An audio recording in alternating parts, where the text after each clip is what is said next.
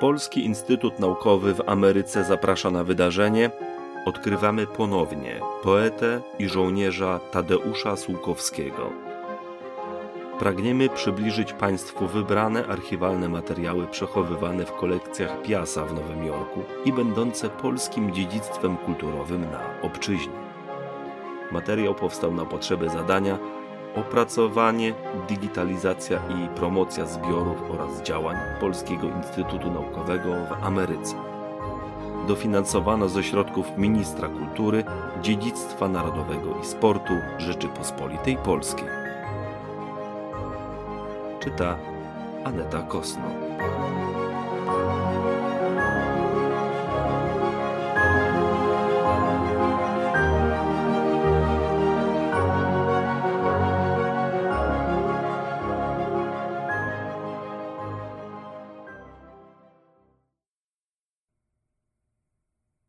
24 lutego 1948 Droga i kochana pani. Tak, jestem teraz zajęty, że już nie jakieś górne i durne humory, ale po prostu brak czasu nie pozwala mi usiąść spokojnie i napisać parę listów do najbliższych mi ludzi. Ostatnio miałem na karku wieczór Mackiewicza.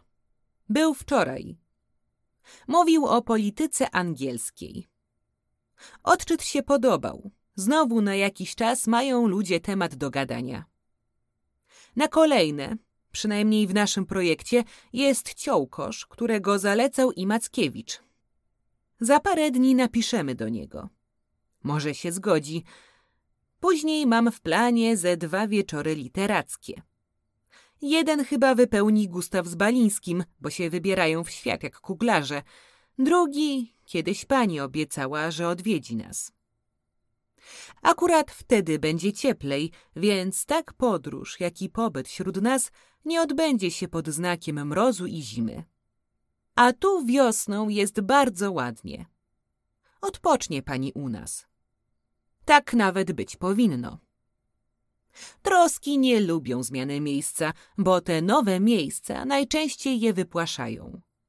Dlatego na złość kłopotom trzeba się ruszyć. Zobaczy pani, że odejdą z nosem na kwintę.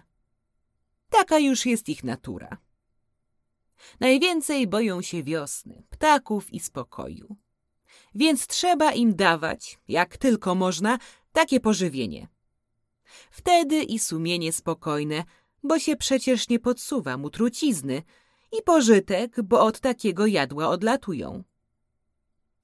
Choćby z tego powodu powinna się pani zdecydować na krótki wyjazd w nowe, wiosenne miejsce. To jest najlepsze lekarstwo, które przepisuje z natychmiastowością użycia. Skład główny tego leku Cal Valley Anfield Camp. W prospektach rysujemy łąki, dwa małe, ale śliczne jeziorka, które już się budzą i drzewo, całe obrośnięte bluszczem. Jest takie, po którym biega chyba pak, jak wiewiórka. Jak idę w tamtą stronę, to mówię, że idę do drzewa Szekspira.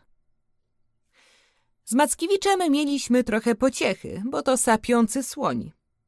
Walił w politykę angielską jak w bęben, a na pytanie, co myśli o wojnie, powiedział, że najlepiej stukać w palce. Będzie wojna, czy nie będzie? Było z tego na sali dużo wesołości. Mrozek zelżał, już tak nie kłuje. Wczoraj i dzisiaj było nawet trochę słońca. Wszyscy się od tego weselili. Noc też idzie pogodna. Pytała pani o Kazimierza.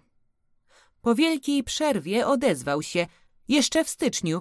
Pisałem dwa razy do niego. Później znowu zamilkł i znowu nie wiem, co się z nim teraz dzieje. Nie jestem pewny, czy mieszka na starym miejscu, więc tak jakoś schodzi i nie pisze.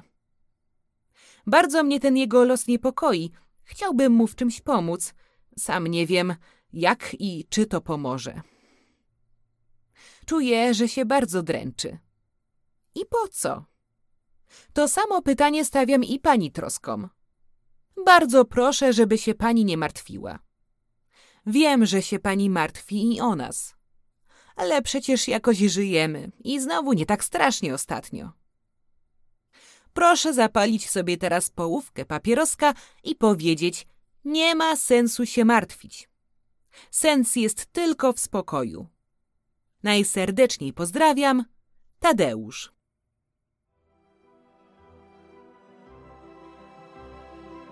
This recording was created for the project, development, digitization, and promotion of the collections and activities of the Polish Institute of Arts and Sciences of America. Co-financed by the Ministry of Culture, National Heritage, and Sport of the Republic of Poland.